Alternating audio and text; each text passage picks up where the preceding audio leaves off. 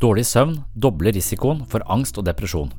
I tillegg øker det risikoen for en rekke fysiske sykdommer. Én ting er at kroppen ikke får nok hvile, og man blir trøttere. Dette fører som regel også til at man beveger seg mindre og trener mindre, noe som igjen kan gi mer smerte og dårligere fysisk form.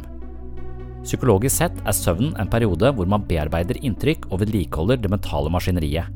I dyp søvn tømmes bevisstheten for tanker og følelser som ansporer til bekymring og uro.